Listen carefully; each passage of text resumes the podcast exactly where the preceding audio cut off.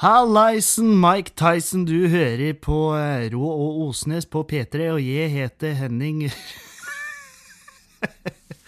Nei, det gjør du ikke. Velkommen hit til eh, Klagemuren. Mitt navn er Kevin Kildahl, og det er mandag 23. april, og klokka er 10.36 i sigende øyeblikk. Og um, god dag! Hallo! Hvordan går det? Går det bra? Ikke send meg melding eh, og si om det går bra eller ikke. Send meg gjerne melding om det går skikkelig til helvete, og du har lyst til å prate om det, eller at du har lyst til å høre min, min mening om det. Eller eh, hva nå enn. Hvis du bare vil eh, Hvis du La oss si du er blitt dumpa, ikke sant, og så har Så vet du at kjerringa di, eller eksen din, da, eller om det er gutt eller jente, er ikke nøye, og så vet du at eksen din hører på podkasten min så kan du bruke meg som, en sånn, eh, som et sånn eh, Et verktøy for å ta tilbake på eksen din, og bare Å ja. Heia, du, jeg vet vi ikke skulle prates, men jeg ser du har nevnt meg i, i podkasten til han Kevin, og det, vet du hva, vet du hva, det er smålig. Det er rett og slett smålig, det du gjør der. Smålig. Det er personlig uthenging, og ja, spar meg. Så ja, bruk meg. Bruk meg for da jeg er verdt ikke da at det er verdt så mye, men bruk meg på sånne måter. Så kan du ikke sant, for at du sender jo inn de forklaringene. Bare, hun var bare hun var bare kjerring, bare drev på klaga, og jeg vaska aldri, påstå. Hun påsto at jeg aldri var hjemme. Og så får jeg hennes forklaring, som er Ja, han eh, pula søstera mi. Filma, da. La det ut på en privat kanal på Pornhub. så, ikke sant? Der, det må du også ta med i beregninga før du får meg til å eh, til å gå ut og, så, og, ta livet av eksen din på min podkast, det at eh, hvis de hører på, så er jo faren eh, Faren er jo stor for at de da skriver tilbake bare 'Hei, du, jeg har noen revisjoner jeg vil gjøre på det temaet du tok opp sist uka', hvor det temaet var rett og slett med. Det var med du snakka om der.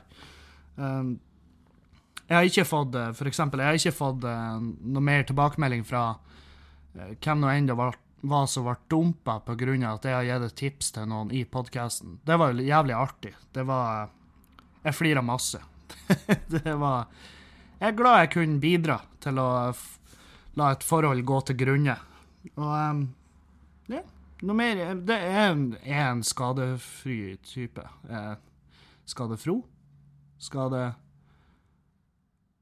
Ja, jeg liker når folk har det jævlig, for da har jeg det mindre jævlig sjøl.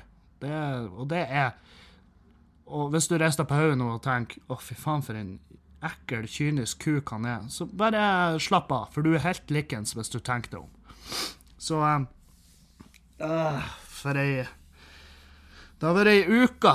Ei uke som faen. Herregud, for ei uke. Det har vært Det har vært dramatikk i veldig små skala. Veldig lite dramatisk, egentlig. Det har vært eh, Det har vært Vi hadde klubbkveld på Lendingen og på Skubaret og i Meløy. Og hvis det, er noen, hvis det er folk som hører på podkasten som bor i Bodø og området rundt, kan ikke dere sette på pause nå? Eller vent, vent med å sette på pause. Det har vært Det har vært meningsløst hvis du satt på pause nå, og så bare sitter du der som en idiot og bare hva, Ja, hva nå skal jeg gjøre? Hva jeg gjør nå? Nå er det på pause. Hjelp meg, noen! Nei, um, gå inn på Facebook, og så liker du Standup Bodø. Og så kommer du på klubbkvelder.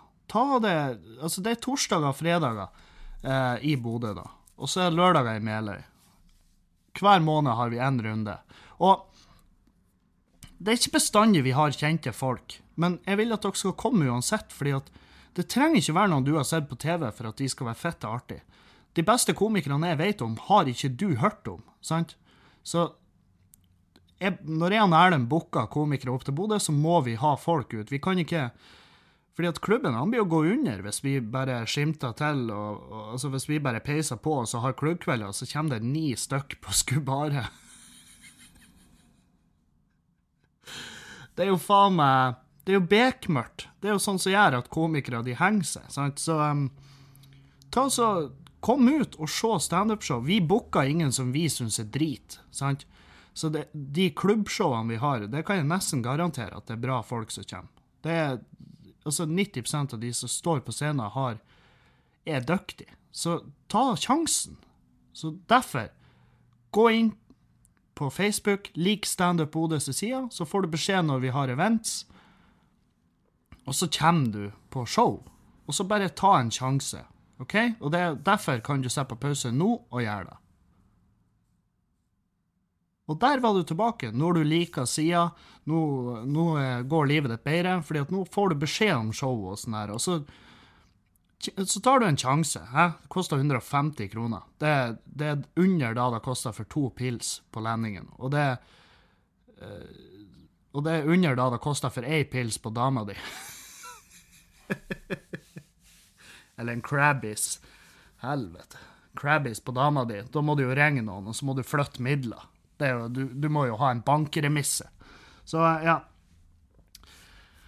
Jeg skulle ønske flere folk tok, tok turen og så show. For det er, sånn her, det er en jævlig fin by. Vi har et fantastisk bra publikum i Bodø, og egentlig Meløy òg.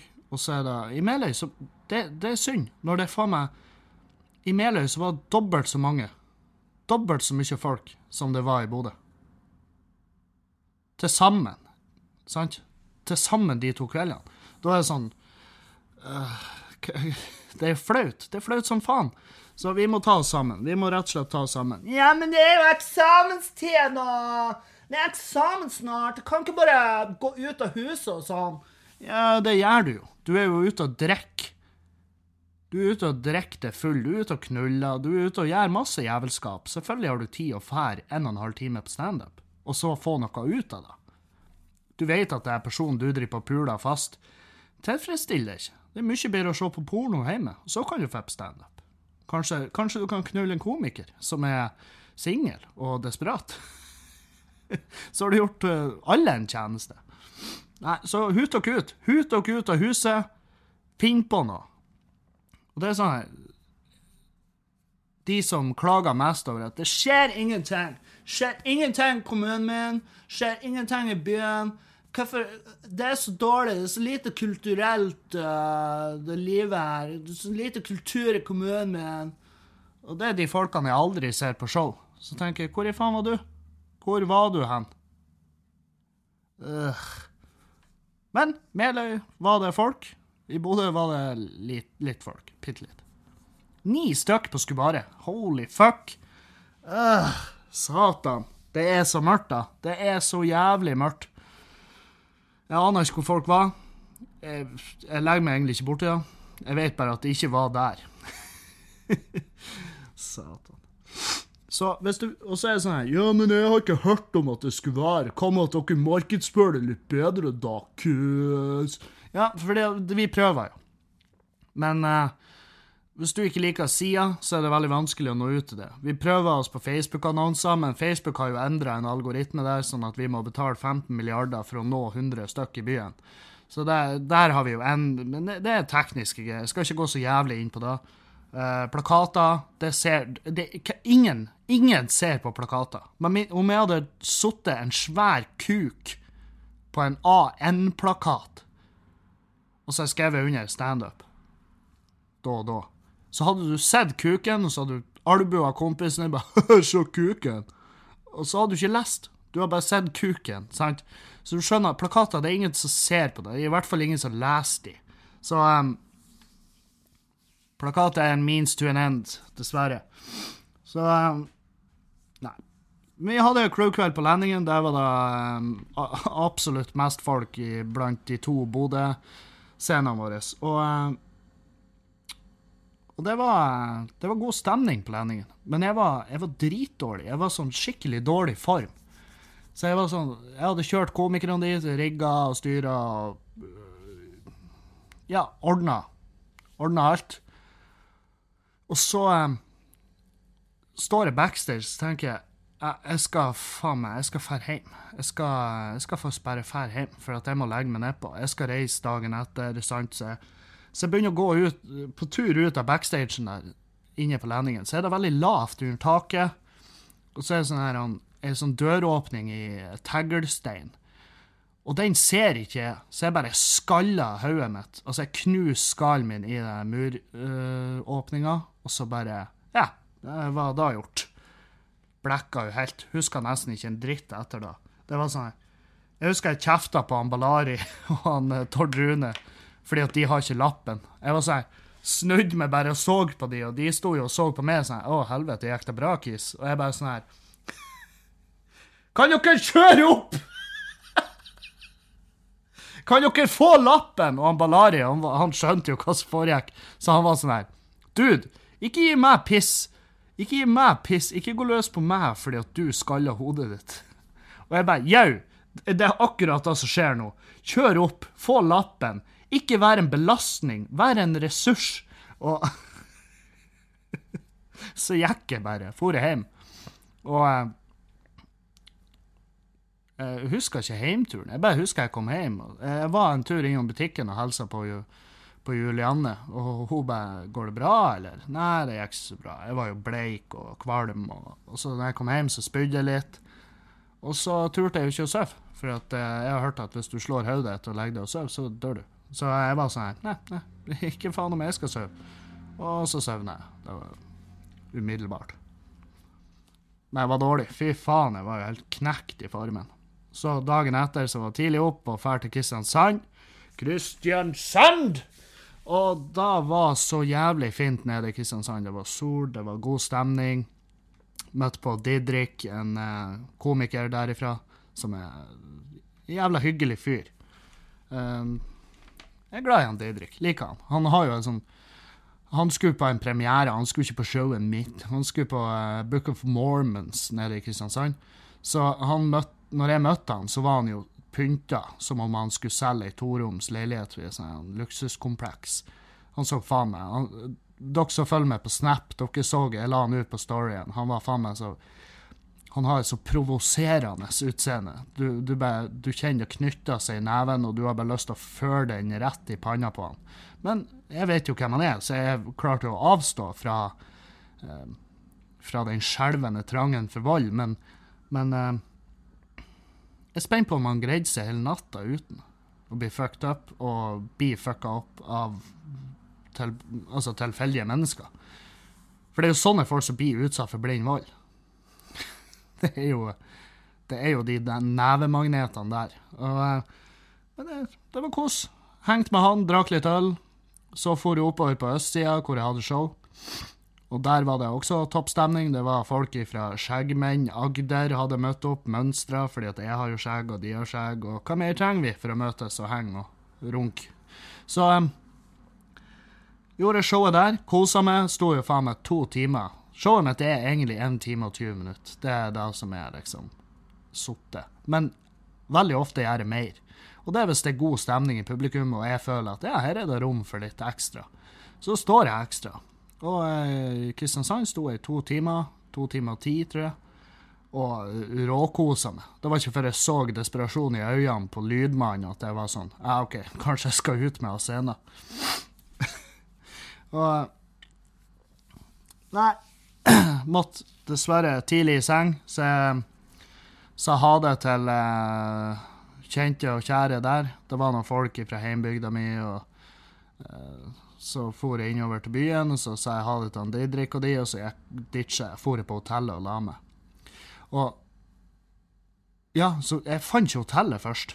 Jeg gikk på en sånn kebabsjappa, og så kjøpte jeg meg jo selvfølgelig noe sånn Det var ikke noe god kebab. Helt jævlig kebab. Men jeg kjøpte en kebab. Og så spurte de her folkene i kebabtralla liksom, hvor er, hvor er Klarion Ernst? Og så prøvde de å forklare meg, men de var jo, det var jo tre forskjellige forklaringer på de to stykkene som sto der. Så jeg var sånn OK, takk for hjelpa. Um, og så sto det ei Bertha der, og hun var sånn Klarion Ernst, jeg kan vise deg hvor det er, liksom. Og jeg bare ja, takk. Så fulgte hun meg på hotellet, og det var jo sånn 200 meter å gå. Det var jo rett rundt hjørnet. Og det var sånn Når jeg skjønte hvor nært det var, så tenkte jeg hvorfor peka du ikke bare og sa ifra? Der er det. Men det viste seg jo at hun hadde jo planer, for hun hadde vært på show, og hun hadde blitt sjarmert, tydeligvis, og hun hadde planer om å være med. Um, uh, og da får jo jeg angst, tvert. så uh, når vi kom inn i lobbyen på hotellet, så sa jeg bare du gå i, eh, gå i resepsjonen og hent nøkkelen. Det er rom 413 eller noe sånt, sa jeg. Og så mens hun gikk bort i resepsjonen, så spurte jeg på hotellrommet.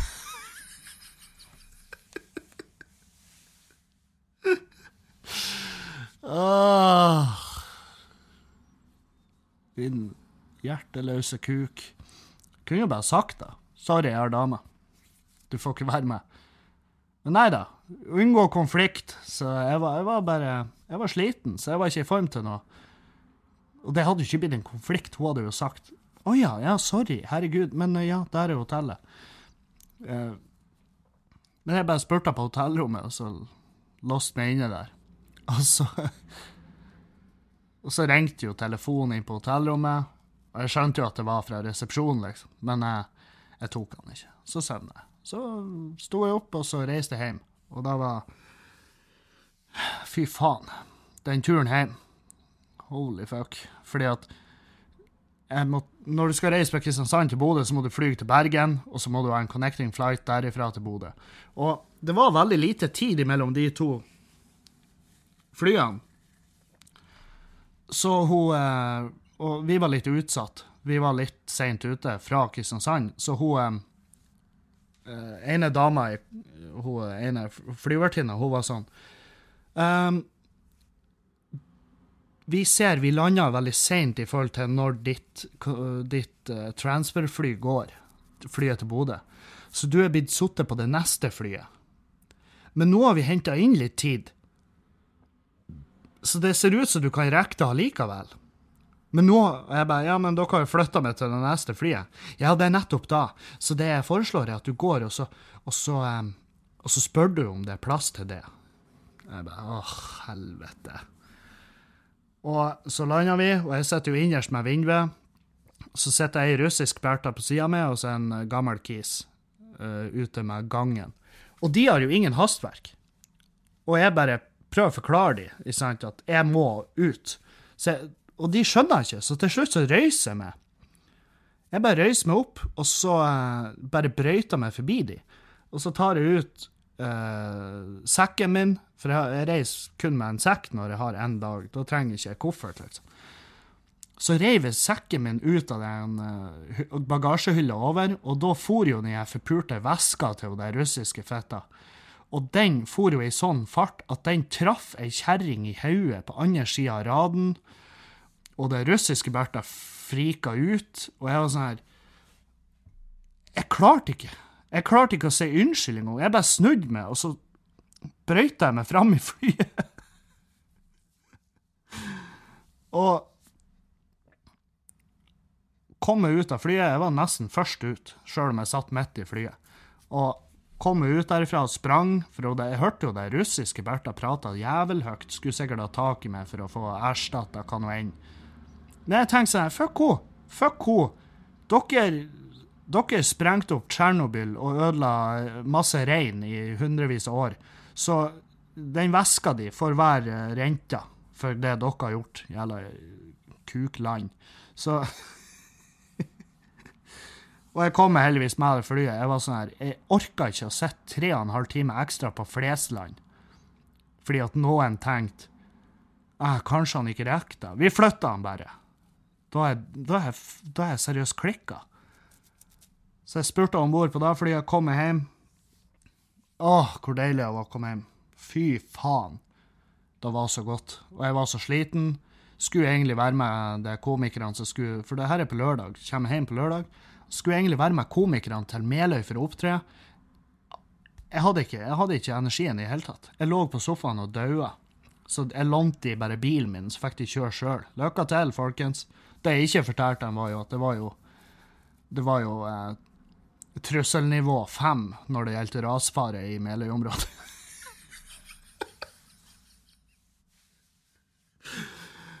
og jeg tenkte da jeg lå på sofaen her og de var kjørt, så tenkte jeg hvis det går et ras og alle de dauer, da er det jo jeg som får skylda. Da er det jo det er sånn her Å ja, Kevin, du skulle egentlig ha vært med der. Du bare ble ikke med, fordi at uh, da passa ikke det. Det var Og du bare sendte de ut, vel vitende om at det var rasfare. Ja, ja, så gjorde jeg vel det, da. Og det gikk bra. Det gikk fint, OK? Så, så alle bare chill. Men ja, jeg har jo definitivt spilla lotto med livene til fem komikere. Det får, det får, det får bare høve seg, tenker jeg. Det er en del av det, del av det vi har signa opp for. Det er eh, De farene vi utsetter oss for som komikere, det er eh, flyreiser, det er angst, det er dritings publikum, og det er ras. Steinras, jordras og snøras. Det er de rasene. Det er de rasene. Det er noe å tenke på. Fy faen, det har vært Det har vært en sykt En sånn liten morbid del av meg hadde jo ønska at det ble sånn, for da kunne jeg liksom bare Jeg lurer på om jeg er blitt religiøs da. Om jeg bare Herregud, det var, det var også nært Det var også nært at jeg var med de, og, og hadde jeg vært med de, så er jeg død nå, ikke sant? TV, Avisa Nordland, alle de har jo slukt det rått, sant? Men eh, nå ble det ikke sånn, så da, da ble det jo sykt lite dramatisk til å, være, til å, ha en så dramatisk tone og oppbygging på den, på den eh, lille anekdoten der. Men ja, ja. Hva er morgenrutinene dine når du reiser, Kevin? Ja, du spør godt, kjære lytter. Det er når eh, Når jeg reiser, så er det Jeg har jo rutiner som tilpasser når jeg reiser. Og vanligvis reiser jeg ganske tidlig, sånn i 9-10-11-tida. For jeg liker å ha litt plass nede med venuen der jeg skal opptre, sånn at jeg kan se salen og se backstagen litt tidlig. Komme på hotellet og så bare se byen litt. Og så jeg et, jeg prøver å spise før jeg drar hjemmefra, fordi at maten på flyplassen det er jo også, det er jo som å kjøpe en Crabbies på dama di. Det er faen meg Det er så dyrt, da. Det er så jævlig dyrt. Og Så jeg spiser hjemme, ferdig, tar meg en kaffe. Uh, Denne gangen tok jeg øl, faktisk. Og det var fordi at jeg var rett og slett bare øltørst. Jeg ville ha ei pils. Så jeg tok ei øl på flyplassen, og så kom jeg meg nedover og drakk videre. Og jeg ble ganske sausa i Kristiansand. Altså. Fy faen. Og når jeg reiser hjem, så har jeg en sånn fast greie på hotellet. Det at jeg, jeg vil jo dusje før jeg reiser, sjøl om jeg vet at jeg må dusje når jeg kommer hjem. Men det å sitte på fly og føle seg skitten, det er noe av det jævligste som finnes. Spesielt når det er fullt fly, ikke sant? folk sitter og albuer hverandre, og så føler jeg at ja, jeg er jo bare en levende komposthaug, jeg, da. Så jeg er jo faen meg til Jeg, jeg, jeg er her for, kun for å irritere de andre gjestene på flyet, ikke sant. For jeg har vært han fyren som har tenkt da om andre reisende. Jeg har tenkt dude, seriøst. Seriøst. Du vet at du skal fly i lag med masse hundre mennesker.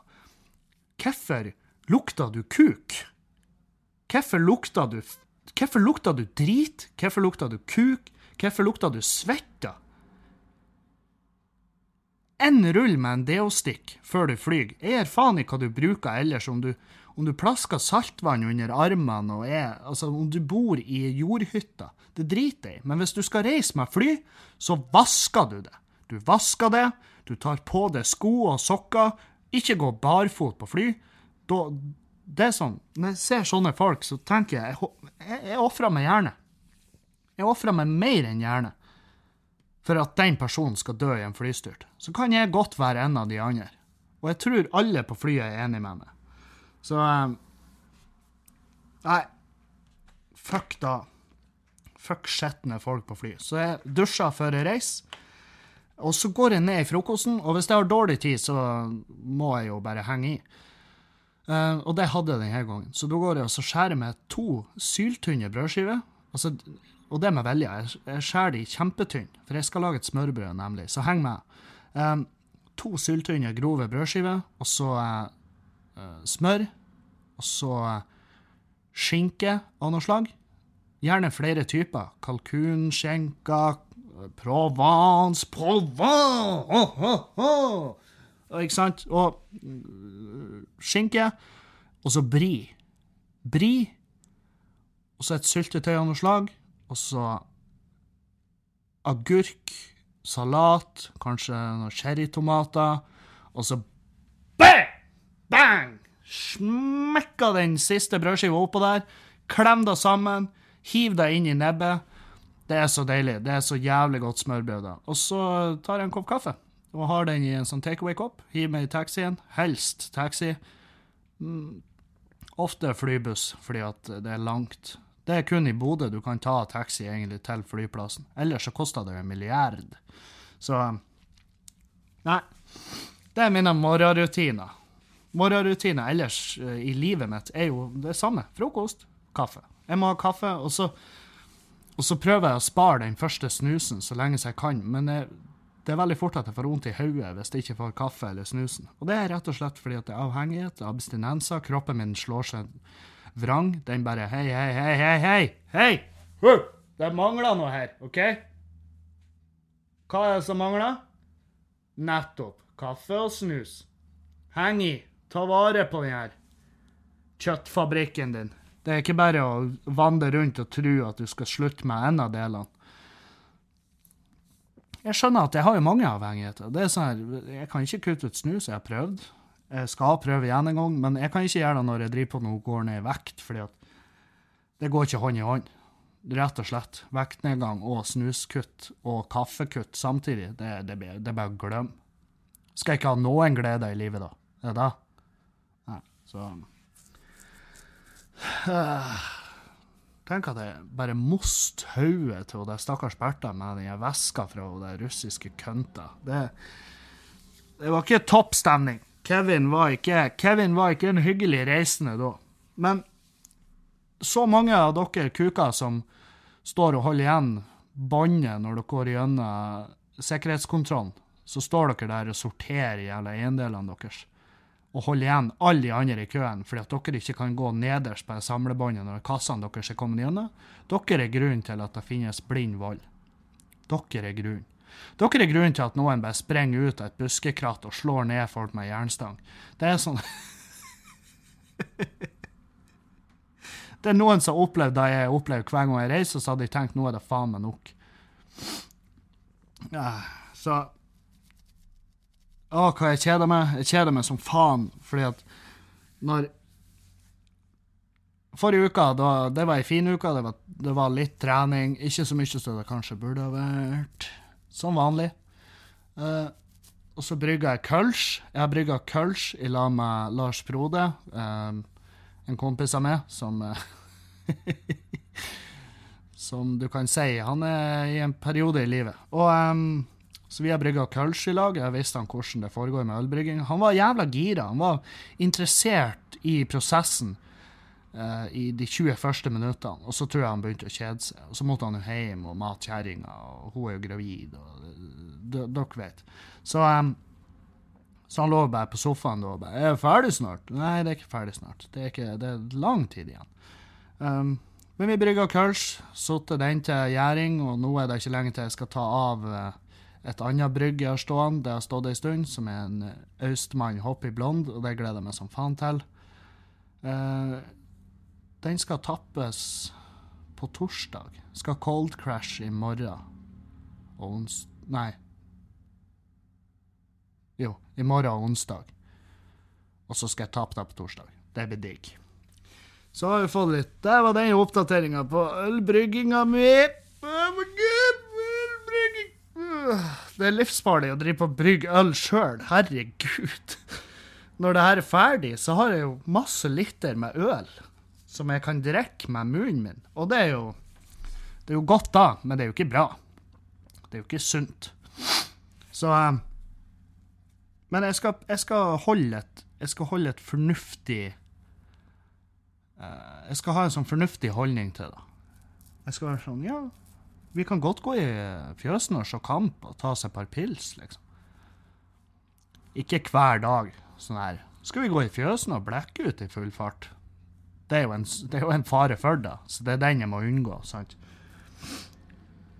Og, I hvert fall nå, når det nærmer seg den verste tida i livet til alle, nemlig russetida. Fy faen, jeg hater russ! Jeg hater russ! Hater Norge! hater russ. Og folk er sånn Å, herregud, du kan ikke bare hate russ. Du var russ en gang, du sjøl, nemlig. Ja, jeg var det. Jeg var russ, og jeg var tåpen-russ. Jeg var skikkelig sånn Jeg var blackout-russen. Jeg ble overkjørt i russtida. Jeg ble kjørt over av en bil i russtida, for jeg datt Jeg var så dritings at jeg datt under bilen med armen. Det var ikke hodet, liksom. Men jeg ble overkjørt av en bil. Og det var vondt. Men jeg var fett idiot. Jeg var russ. Og når folk sier Må ikke, ikke kua glemme at hun har vært kalv? Nei, jeg vet jo da. Jeg vet da. Men det er forskjellige roller vi har i livet, og ene rollen er Som ungdom så er rollen din å være russ. Som voksen er rollen din å hate russ. De som nå er russ, blir å hate russ om fem år, hvis de har noe fornuftig i kroppen. Så jeg hater russ. Jeg hæler ikke. De står i rundkjøringa en tut, en slørk. Og så tenker jeg ja ja, men hvis jeg nå river han i fjerdegiret og trør over den rundkjøringa, så blir det jo en tut, en gravferd. Og eh, det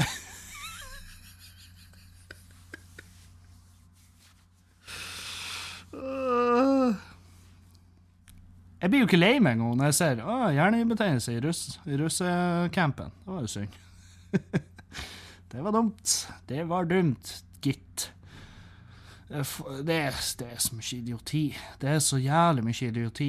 Det er så mye jeg skjemtes over etter min russetid at du aner faen ikke. Og, men selvfølgelig, de som er russ, må nyte. De må nyte, fordi at en dag blir de jo innse hvor fett idiot de er. Og det gjorde jeg, og det gjorde alle andre, og det er hele meninga med det. Det er hele meninga med oppveksten. Det at du skal se tilbake på ting du har gjort, og tenke fy faen, jeg er glad jeg vokste opp. Så, så jeg blir å spille min rolle som en bitter uh, kuk som hater russ, og så kan de spille sin rolle som russ med pannebånd, som går rundt og bare ber om å bli slått ned, sant? Og eh, det jeg gruer meg aller mest til, det er russelåter, for jeg hater russelåter. Det er så jævlig, det er det styggeste jeg vet om, det er det mest forferdelige jeg hører, det er russelåter. Og folk bare spiller de der for alt de er verdt. Og Katastrofe og Tix og alle de her for... Nei, jeg blir, jeg, nei, jeg skal ikke gå inn på det. Jeg blir, jeg blir rett og slett å si noe. Si noe jævlig dumt. Si noe som får meg enten innlagt eller anholdt, eller begge delene. Faens russ. Helvete. Men det, det, er jo, det, er da, det er jo alkohol og meningsløs knulling, og det er jo kjempebra. De må jo bare gjøre det. De må jo henge i og gjøre sin greie. Og så eh, Og så eh, må vi rydde opp etter dem, sant? Og det er vår rolle. Jeg kjeder meg. Fordi at når jeg reiste bort på fredagsmorgenen, og så kommer jeg hjem på lørdag, så møter jeg dragen, morgendragen, på flyplassen, for hun skal jo reise bort. Så hun er i Oslo nå for å dra på en konsert uh, med et band som heter uh, Breaking Benjamin? 30 Seconds to Mars? Et band!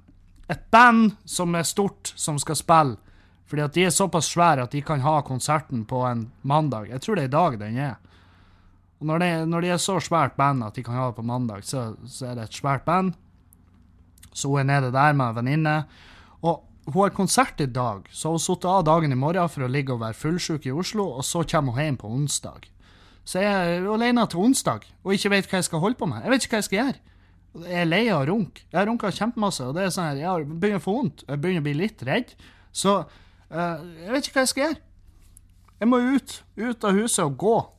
Henge med noen. Jeg vet faen. Jeg må finne på noe kjempelurt for å få tida til å gå.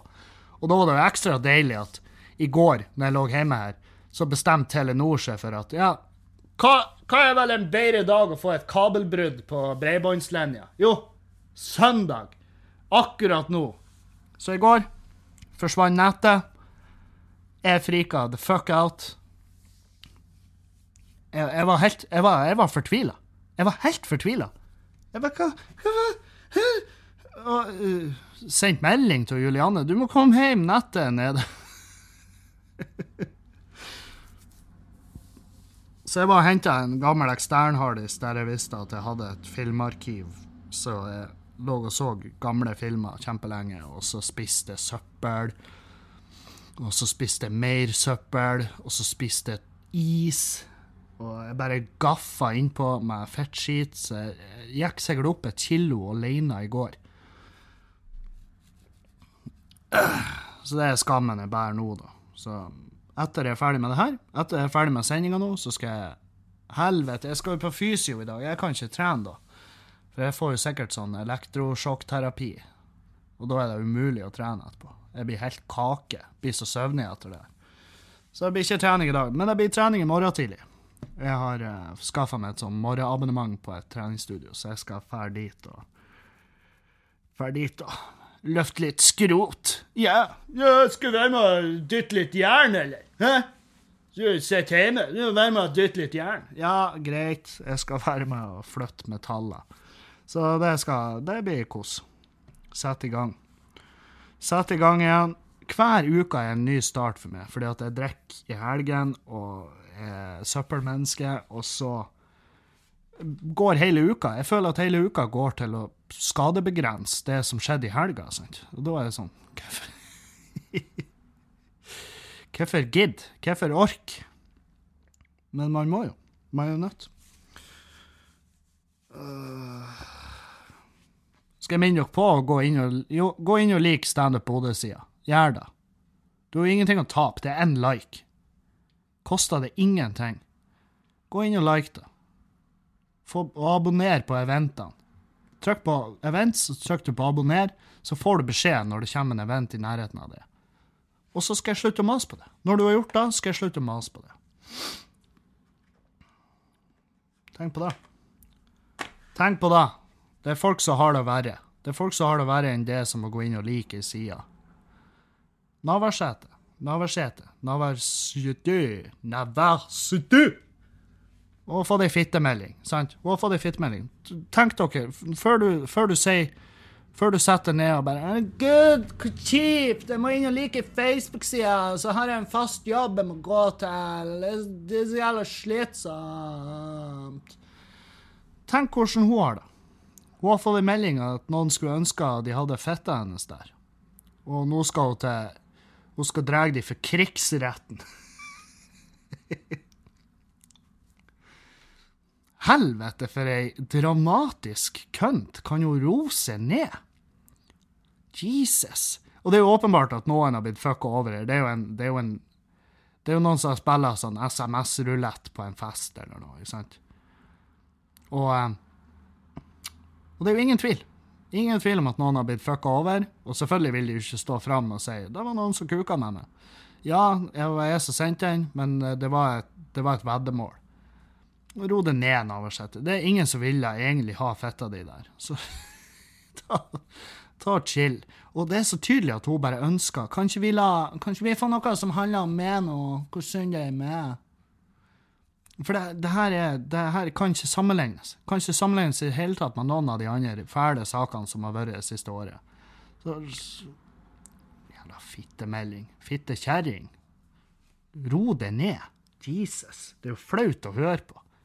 Flaut å høre på hvor alvorlig den saken er, og så er det jo ikke alvorlig i det hele tatt. Dramatisk alle skal være. Alle skal være så fette dramatisk. Alle. Og det er sånn her Nå oppi det her metoo og liksom Nå har det jo roa seg litt ned, og jeg føler at det verste er over. Jeg føler at uh, Men det ligger selvfølgelig masse mørke saker og venter. Og så har du de som sitter og bare Satan, skulle ønske det hadde skjedd noe kjipt med meg, sånn at jeg kan stå fram som et offer. Og så kommer Navarsete bare Her, se den SMS-en her. Se hvor forferdelig det er. Stem på meg til valget. det er ikke så jævlig. Det er noen som kødda. Ja, det er en usmakelig spøk. Jeg personlig syns det er fette hilarious. Fordi at jeg vet akkurat hva som skjedde. Det er SMS-rulett. Det er sånn her, Vi bytter telefoner på fest, og så, får, så skal vi sende en SMS. Og så må og så må du deale med konsekvensene etterpå. Det her gikk jo litt over stokk og stein. det men eh, all ære til han som valgte å sende den til henne, fordi at da har jeg tenkt Det her den her, fordi at du har jo en vinner og en taper i en SMS-rulettrunde. sant? Og den her var jo rimelig bra, rimelig spot on, så jeg tenker han vant. Jeg håper han fikk eh, spandert eh, den kvelden på byen. Og eh, Navarsete En liten del av henne tror jeg skulle ønske at hun var der. Åtte menn på et hotellrom. Det er fantasien til ganske mange jenter, da. Så um, hun er vel bare sint for at hun ikke fikk romnummeret. Jeg vet da faen. Hun må i hvert fall roe seg ned. Det er sånn Herregud, endelig er min tur å være offer, da. Herregud, hvor koselig da blir.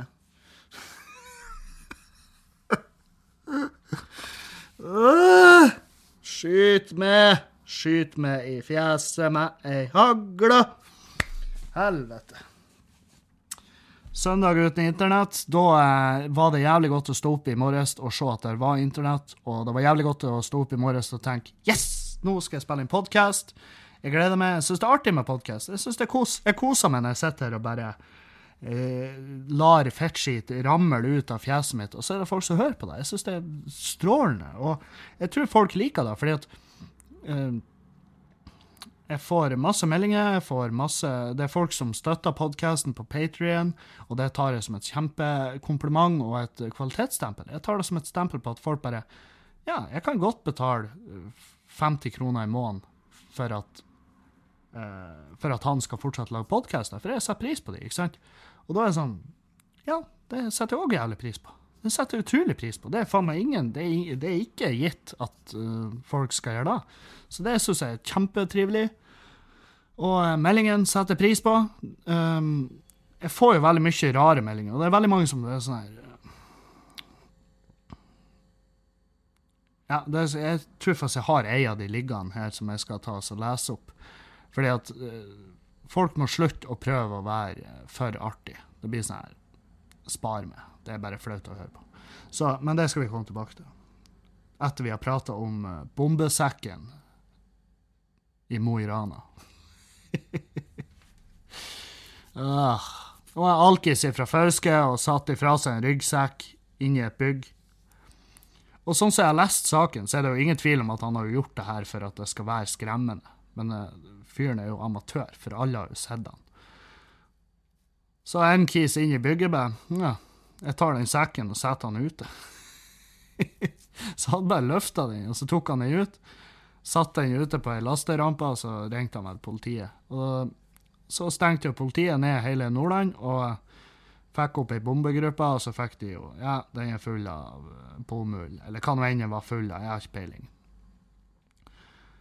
Og det var i hvert fall superdramatisk. Sykt dramatisk. De stengte alle veiene der, det var krise.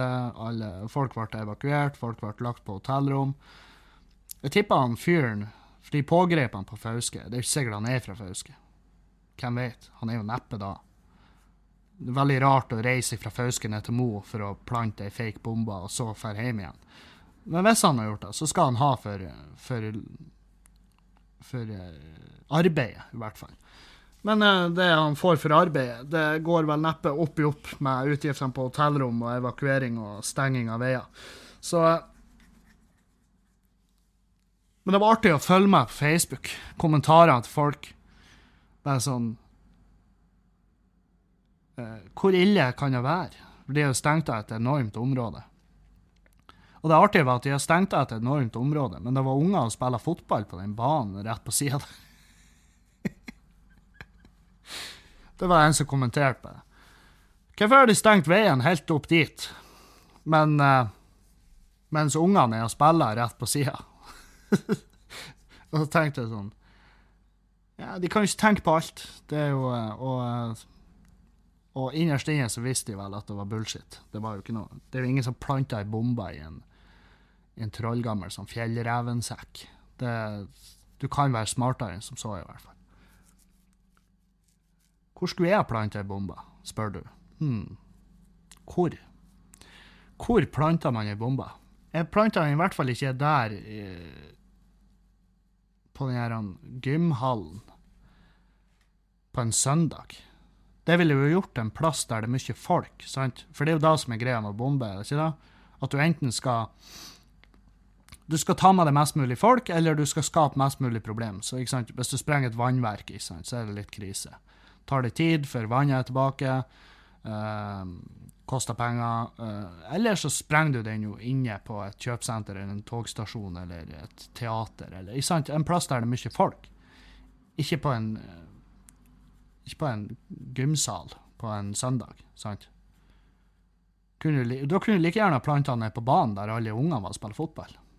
Ikke at jeg, jeg ville ha gjort det. Jeg, jeg hadde jo prøvd å ta med meg folk som ikke liker.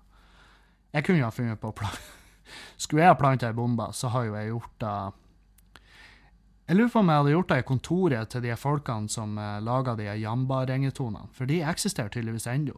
Så jeg tror jeg kanskje hadde plassert den i lobbyen til Jamba.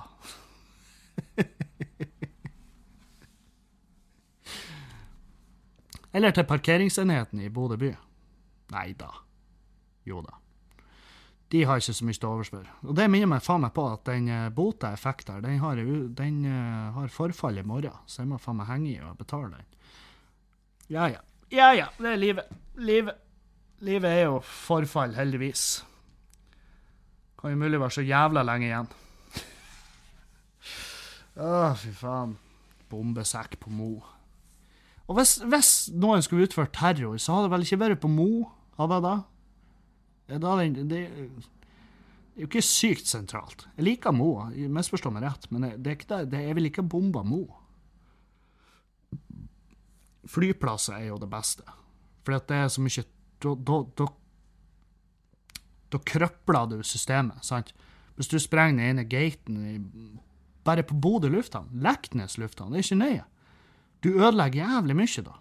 Du tar kanskje noen liv, og så ødelegger du jævlig mye. Du, du, altså, med en gang de må ombooke et fly, da er det krise. Det er snakk om kostnader, det er folk som ikke kommer seg dit de skal, møter som ikke blir holdt, og så blir det holdt andre møter fordi at det er jo krise, fordi at vi er blitt bomba. Så det er definitivt flyplass. Jeg håper ikke jeg har en gærning som hører på noe og bare tenker ja, selvfølgelig, flyplass. Oi, oi, oi. Så, ja. Nei, men la oss uh, ta noen uh, spørsmål før, før jeg leverer en hel guide til hvordan du skal gjennomføre terror i ditt eget heimland. Hva, faen er det jeg holder på med? Oi, oi, oi. OK. Hei! Jeg har et seriøst ekte spørsmål til podkasten din. Ekte problem. Jeg bor i kollektiv, har bodd her i snart fem måneder og har aldri sittet på oppvaskmaskin. Har alltid klart å lurt meg unna. Er ikke det at jeg ikke vil, men når jeg flytta inn, så var, det, så var jeg for stolt til å spørre om hvordan man setter den på. Og nå tør jeg i hvert fall ikke å spørre hvordan man setter den på, fordi at, alt, fordi at da skjønner de at jeg aldri har satt den på. Satan, hjelp meg. Uh, jo, hei. Mats Satan her. det du gjør, det at du åpner oppvaskmaskinen, eller på utsida av oppvaskmaskinen så står der um, så står det type og modell. Og Så går du på nettet og så finner du uh, altså bruksanvisninga til den oppvaskmaskinen, og så leser du den. Eller du leser jo ikke hele den. Du leser det du må for å kunne sette på et program. sant? Og så gjør du det. Og så lærer du deg hvordan en fuckings oppvaskmaskin funker. For du er den typen som jeg hater å bo i kollektiv med. Du er den typen alle i kollektivet hater. For tro meg, de legger merke til at du ikke har sittet på oppvaskmaskinen. Så gjør det. Gjør det umiddelbart. Gå, finn den, opp, den bruksanvisninga, og så setter du på den jævla oppvaskmaskinen. Så vokser du opp. Hvis du har bodd i kollektiv i snart fem måneder, så burde du vite det her. OK? Gjør det. Skjerp det. Ta det sammen. Faen òg. Helvete hvor jeg hater kollektiv. Fy faen, det er det verste jeg vet. Øh. OK, det her blir jo anonymt. Hei, Kevin. Om det her er et spørsmål til podkasten eller ikke, kan du få vurdere sjøl. Men det er i hvert fall et spørsmål til deg. Du har jo helt tydelig kommet deg fra et veldig mørkt sted. Jeg har hørt på deg fra episode én, og det skinner veldig godt igjennom at du har på mange måter er en ny mann. Takk. Jeg befinner meg for tida i svarteste mentale helvete, og jeg klarer faen ikke å finne det første trinnet på stigen opp herfra. Hvor starta du? Um, jo, godt spørsmål. Uh, det du starta med, er jo å I hvert fall for min del. Jeg er ikke psykiater, jeg er ikke, jeg er ikke terapeut, jeg er ingenting. Uh, men for min del så starta det med å uh, identifisere de tingene som gjør at du har det kjipt, og så begynner du der. Ta de, ta de elementene som gjør at du har det kjipt, og så kvitter du med de. Om det er stoff, om det er alkohol, om det er kjærlighetssorg. Om det er alle, samme, alle tingene samtidig. Det er ikke nøye. Um, men du må liksom jobbe med de. Ikke jobbe med å sitte hjemme og ha det kjipt. Og en annen ting som hjalp veldig for meg, det var å komme ut av For jeg satt jo på rommet i kollektivet og drakk øl. Og um, kom det ut og trekk luft og bare gå litt, og gjerne henge med noen venner som ikke, som ikke Og da mener jeg de vennene du har som ikke oppmuntrer til at du skal ha det kjipt. Heng med de som har det bra, og som bryr seg om det. Ikke heng med andre som har det dritkjipt, for at de bare drar det ned. Så begynn der, og så, eh, hvis du har kjæreste, eh, så må du mest sannsynlig gjøre det slutt, for at eh, hvis du har kjæreste, så og du har det så kjipt som du har det, så hjelper ikke hun eller han på. Eh, så kvitt deg med hun eller han, og skaff deg en ny hun eller han. som eh, liker det, og som løfter det opp, og får det ut av eh, det mørke, svarteste helvete, som du beskriver det som. Det det er de tipsene jeg har i full fart. Og gjør ting som du vanligvis ikke ville gjort. Sant? Det, det er grep du kan ta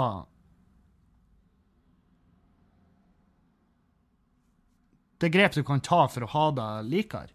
Sant? Og det kan være de, det siste du trodde. Ikke sant? For meg så var trening et veldig godt grep. Fordi at energien, eh, alt det du får ut av deg Og så bruker du, du bruker litt tid der. Så det er mindre tid hvor du sitter hjemme og har det dritkjipt. Så, um, så ja, ta tak i det. Det er egentlig det beste. Bare ta tak i det. For hvis du sitter hjemme og har det kjipt, og lurer på hvorfor du har det kjipt, så får du det kjipere. Sant? Så eh, det var mitt råd. Si til meg hvordan det går.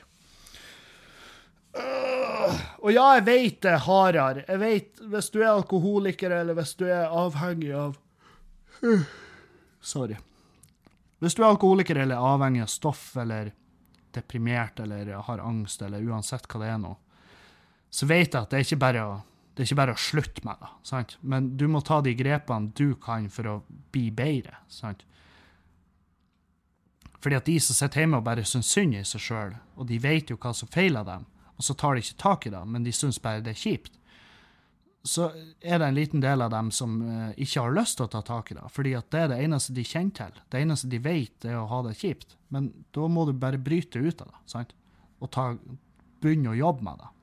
Selvfølgelig, hvis du er alkoholiker, for eksempel, eller stoff, så er det ikke, det er ikke gjort på Det er ikke quick fix på det her. Det er ikke ei uke, liksom. I uka så er, du, så er det i orden. Det blir noen abstinenser, det blir noen kjipe perioder. Men hvis du jobber for det, så har du plutselig et mål å jobbe imot, og da har du mening i livet. Så der har du den. Ei, ei, ei. Ei, ei, ei, ei. Hva syns du om Frankie Boyle og Jim Jeffries? Uh, Frankie Boyle digga jeg som faen før. Uh, for så vidt nå òg. Han har veldig mye sånn smart Noe smarthumor, og så har han noe som bare er laga for å sjokkere. Uh, jeg, men jeg liker det smarte han har. Det, de små stikkerne, satiren hans. Det, det, er gøy. Jim Jeffries er også jævlig bra.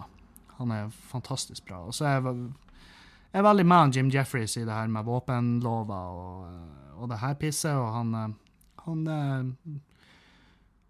kritiserer USA veldig mye, og det liker jeg. Syns jeg er kos. Spørsmål til podkast. Hvordan i helvete går det an at Frp og Trump osv. ikke tror på klimaendringer med menneskeskapt?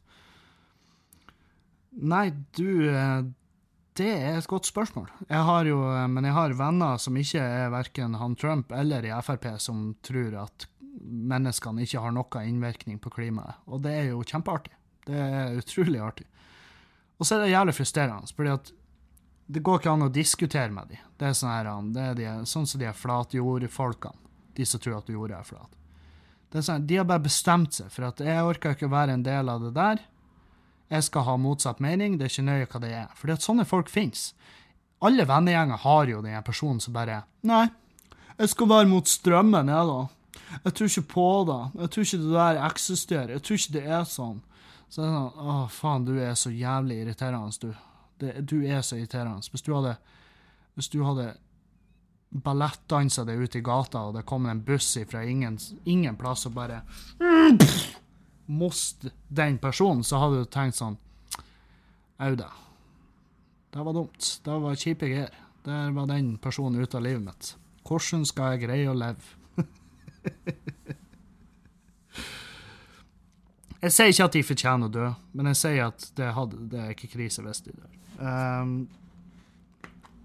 å si at mennesker ikke har noen innvirkning på klimaet, det er faen meg uh, Det er Nei. Nei, jeg klarer ikke. Jeg klarer ikke. Det er for tidlig på morgenen. Det er um, for tidlig at jeg skal gå ut og, og rett og slett avlive andre mennesker. Hvis jeg må tenke noe mer over det, så skaffer jeg meg et våpen. Et, altså, jeg skyter opp til jegerprøven, skaffer meg et våpen, og så drar jeg ut og skyter noen. Så eh, la oss ikke gjøre det. Eh, du, du, du, du. Yes! Hallois! Danier95.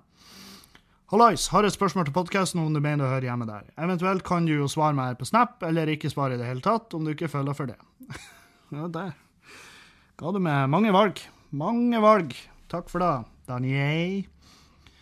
Uh, har litt lyst til å prøve meg på standup en gang, men vet ikke hvordan jeg skal starte. Jeg er litt nysgjerrig på prosessen av å skrive vitser og historier for standup. Skriver du de fysisk ned eller på papir, eller har du dem i hodet? Videre, hvilken grep gjør du for å lage dem mer anvendbare til standup? Jobber du mye med bitsene før du bruker det i show, osv.? Var forresten på showet ditt i Ålesund med dama, vi syns begge det var knallbra. Takk for det, så koselig. Um, hvis du har lyst til å begynne med standup, så er Så i Ålesund, du bor i Ålesund, eller ja, hvis du bor i Ålesund, eksempel, så har dere en klubb der som heter Standup Ålesund. Um, så kan du kontakte de som er der. Det er André Ulvesæter og, um, og Henrik Ovre og Bjørnson. Uh, og så kan de uh, hjelpe deg og, med det du trenger for å, for å prøve det på scenen en gang. Jeg vet ikke hvor ofte de har sånn nykommerkvelder, men eh, de burde i hvert fall ha det. Så eh, prosessen min for å skrive, det er jo at jeg tar jo historie, ting som skjer, tanker jeg gjør meg, og så forteller de ofte til meg sjøl i hodet, og så tenker jeg det her kan bli artig. Og så prøver jeg det på scenen, og så eh, ser jeg ofte hva jeg kommer på der i full fart. Jeg kan jo også sette meg ned og skrive på det, og se om jeg kan legge inn sånne små morsomheter for å gjøre historien mest mulig gøy. Um, men da å sette meg ned liksom, med en PC og bare Nå skal jeg skrive standup. Det får jeg ikke til. Jeg jobber aktivt, sånn at jeg tar med meg biter på humorrazzia. Vi har forresten en humorrazzia på Skubare 11. mai. Um, så tar jeg med meg ideene, og så presenterer jeg på scenen, uh, og så prøver jeg meg litt rundt det, og så ser hva som sitter og ikke. Og så tar jeg det opp med en sånn uh, Zoom-opptaker, sånn at jeg får uh, For hvis jeg La oss si jeg er fucked up på scenen, jeg er dritings, så så har jeg det i hvert fall på opptak, så kan jeg høre det igjen. Jeg har faktisk et opptak fra sist humorrasse jeg må høre igjennom. For da var jeg ikke edru, gitt. Så um, De grepene du gjør, det er å kutte ned. Uh, tørrsnakke, og så få Sørg for at de fleste setningene i Sørg for at de fleste setningene i historien de har en um, har en verdi for historien om noen kommer kjørende forbi i en blå bil eller en grønn bil, da driter folk i. Folk kommer kjørende forbi en bil, skjønner? Så det er liksom kutt ned på det som ikke er nødvendig, um, og gjør det morsomt. Så um, er du der. Og um, du kan si til showet mitt så har jeg brukt uh, det, og neste show så er det sanne historier, ting som jeg har opplevd, ting som jeg har vært med på.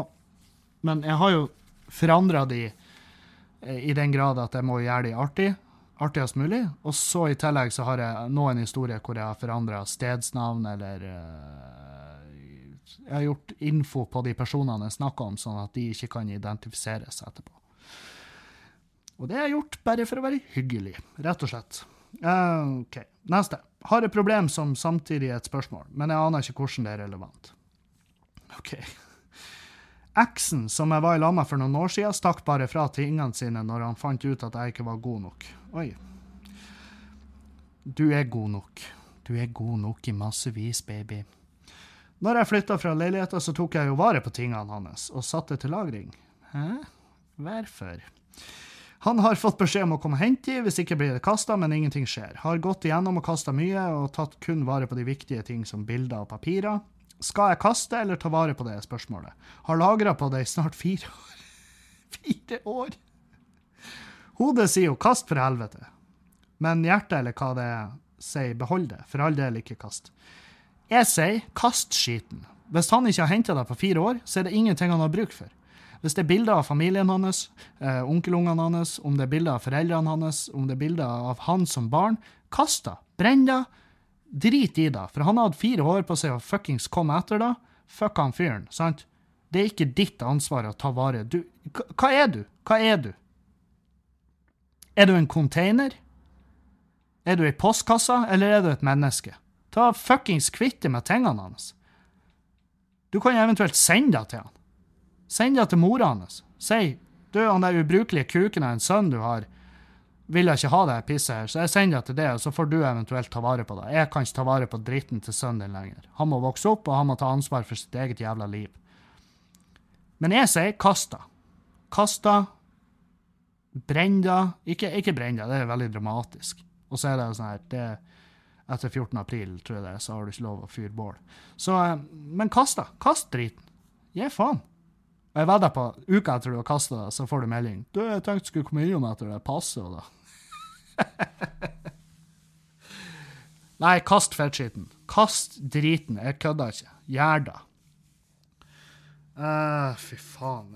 Uh, jeg hater mennesker. Og du er altfor snill. Du er altfor snill.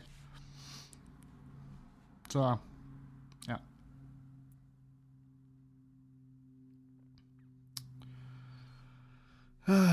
OK. Hva er dine tanker, rundt, tanker og meninger rundt private byer? Kunne vi laga en finesseby i så fall?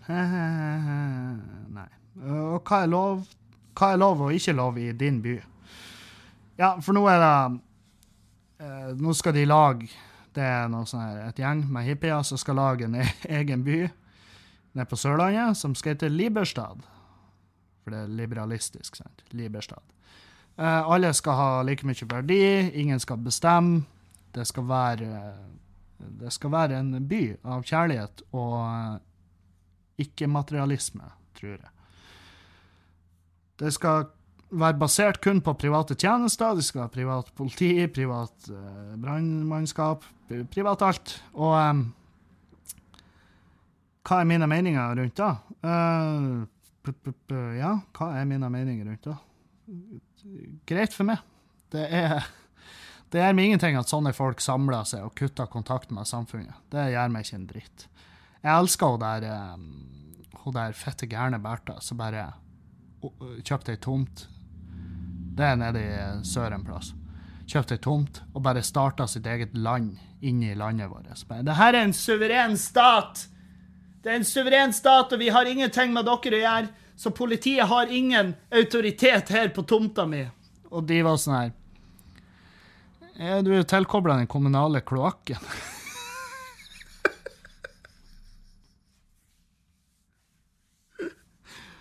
Du har jo strøm og internett, de gærne fitta. Um, så skal de ha en egen by, så må de, eh, så må de stå for alt det der sjøl. Kloakken, eh, det må være et ordentlig system. Eh, de må ha eget, egen internettleverandør, så da må de opp med en satellitt. Um, så, de, de ikke, så må de ha egen strøm. De må ha et eget kraftverk uh, som skal være godkjent og eh, i henhold til forskrifter, selvfølgelig. Uh, som de sjøl må skrive. fordi at Fordi de er uavhengige. Nei, de må bare peise på. Om, om eh, 1000 hippier samler seg i skauen og kutter kontakt med meg, så blir ikke jeg lei meg. Så det, de må bare peise på. Har jeg hatt min egen by, så eh, hva, hva er lov og ikke lov i den byen? Det er jo lite som ikke er lov, annet enn crocs. Og så um, er det ikke lov med pannebånd på gutter. Det er ikke lov. Um, og så skal jeg innføre den gamle den uh, bryggeloven, Gulatingloven, at alle husstander måtte brygge sitt eget øl. Det skulle jeg ha innført. Jeg vet hva faen. Jeg har ikke lyst på en egen privat by. Jeg setter pris på å reise til andre byer når jeg bor i en by. sant? Så ja, nei, det er mye stress. Og er my mye mer arbeid enn da du får igjen for det, tror jeg. Så eh, all ære til dem, men eh, det blir ikke min. Uh, uh, uh. Skal vi se Spørsmål til podkast fra Hen03. Var du den som fant på mest faenskap i klassen når du gikk på barne- og ungdomsskolen? Um, nei. Ikke den verste, men jeg var på ingen måte den beste. Jeg gjorde mye faenskap på skolen. det gjorde Jeg Jeg var en liten sånn tyvradd. Det var da jeg var. Jeg, jeg stjal mye.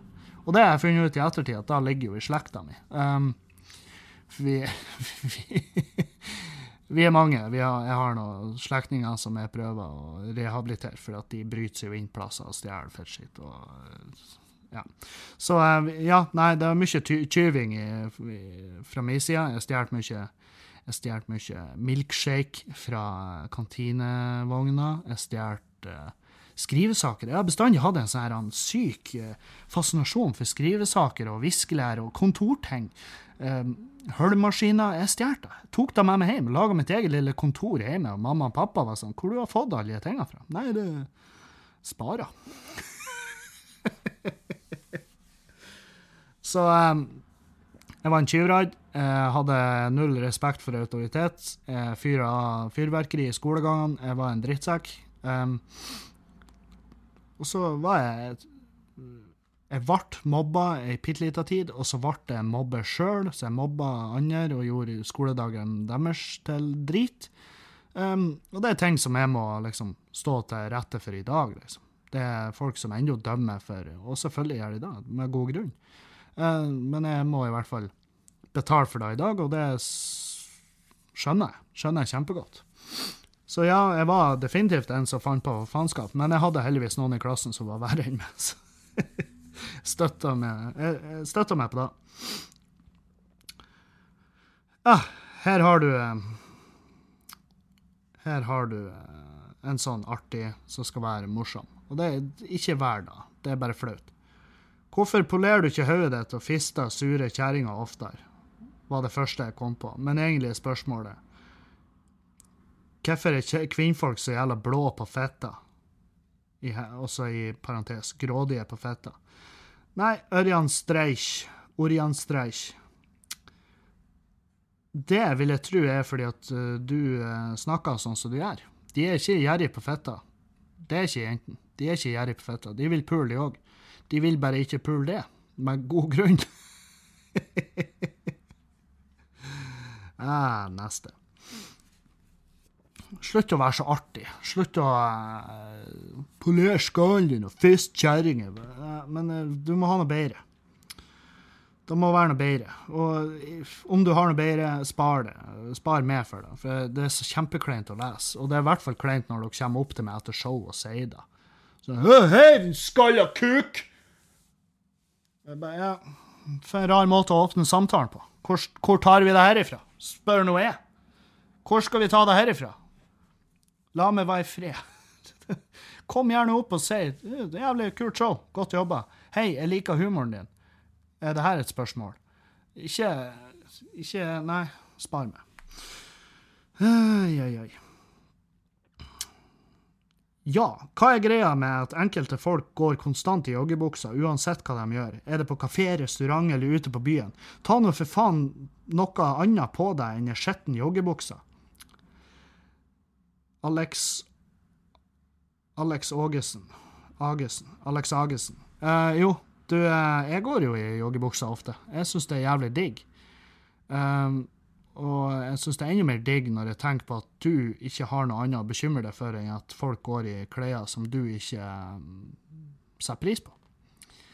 Det syns jeg er digg.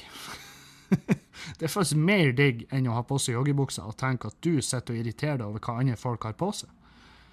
Uh, ta du og sørg for at dine skinny jeans uh, er akkurat der de burde være, at de er on fleak, og at pannebåndet ditt ikke sklir ned i øynene på det.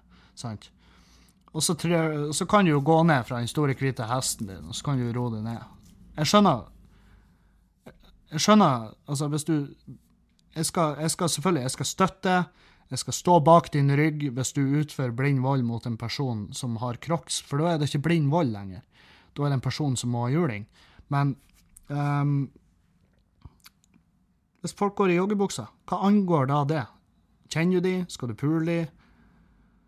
Hva er, hva er problemet ditt med joggebukse? Jeg syns joggebukse er fette digg. Jeg tar på meg Adidas-dressen når jeg har muligheten, og jeg spankulerer rundt i den som om jeg var en polakk som skulle selge en PlayStation 6 fra frakteskipet som jeg jobba på. Så um, slapp av. Slapp av. Det blir ordne seg. Det er det fine med det. Det blir ordne seg. Ingen bryr seg. Ingen bryr seg om hva du syns. Det er jo det beste med det hele. Det er at du er den eneste som bryr seg om hva du syns. Så uh, men jeg håper det ordner seg, Alex. Jeg håper du en dag kan stå opp og leve i et joggebuksefritt samfunn. Anonym. Jeg er visst en av de fire kvinnfolkene som, som du påstår lytter til podkasten din. Uh, uh, uh. Hva skal jeg gjøre når kjæresten min ble så vippet av eksen sin at han har glemt hvordan man tenker sjøl? Jeg vil presisere at han var singel i nærmere to år før vi ble sammen. Det er jo håpløst å leve med et menneske som ikke vil ha egne meninger, og som bare vil at jeg skal bestemme alt. Um, ja, har du prata med han om det? Har du sagt Dude, kan du begynne å kan du begynne å slå neven i bordet og si hvordan du vil leve? Kan ikke du si ifra hva du vil ete til middag? Um, det du må tenke på, det er at det kan hende det ikke har noe med eksen hans å gjøre. Det kan hende at han bare er Han er bare en en eh, underdanig type. Han eh, liker at andre tar valg for han. Han liker at folk eh, at han slipper å bekymre seg over ting, fordi han vet at du tar de grepene som, som må tas. Det er veldig mange mannfolk som er sånn. Og det er jo veldig trist. Men, men ta, ta nå bare Ta prat seriøst med han, sant? ta og prate seriøst med han, og så, og så skal du se at det blir bedre. Og si at du savner det. Og hvis du, det skikkelige tipset her, du kan si det tenner meg når du sier at i dag skal vi ut og gjøre det her. Hvis du sier da, så blir han sånn OK. Og så Ei stund kommer det til å være kleint. Du kan også be han om å smekke deg på ræva når dere har sex. ikke sant? Det kommer til å være kleint en stund, men så blir det hans greie. Og så Uh, til slutt så vil, dere, så vil dere havne der at dere er et balansert forhold. Men du må gi ham muligheten til det. Sant? Og de få gangene han kommer med et forslag, uansett hvor fett det dumt det er, så må du nesten bistå og si ja, OK, det gjør vi da, da. Og hvis det er et fett dumt forslag, så må du bare la han innse sjøl etter hvert at oi, det her var jo et kjempedumt forslag. sant? Så uh, gi han nå en fripass. Ikke bare stem han ned. For sjansen er stor for at du er et veldig dominant kvinnfolk i dette forholdet. Og du uh, ser deg ikke nødvendigvis sjøl, fordi at du har bare naturlig inntatt den stillinga fordi at han er uh, whipped. Mm. Ja. Om du vil ta dette opp, så faen ikke nevn navnet mitt denne gangen. OK. Lurer på om du syns det er slitsomt å få snapper fra slike som er. Er det normalt at ei 45 år gammel kjerring digger podden din? Peis på, du er et godt avbrekk i en hektisk hverdag for meg. Du, det er kjempekoselig. Det er kjempekoselig at uh, eh, 45 år gamle kjerring digger poden min. Det syns jeg er kos, og det er ikke unaturlig. Er, altså, enten så liker du det, eller så liker du det ikke. Og det tror jeg ikke har noe med alder eller kjønn å gjøre. Det, det har med person å gjøre. Um, jeg syns ikke det er slitsomt å få snapper. Jeg syns det, er slitsomt Å, herregud, hvor lei jeg er. Jeg syns det er slitsomt å få snapper fra at folk er ute og reiser, at folk kjører bil og hører på en sang. Jeg hater å få snapper av unger, barn, som leker.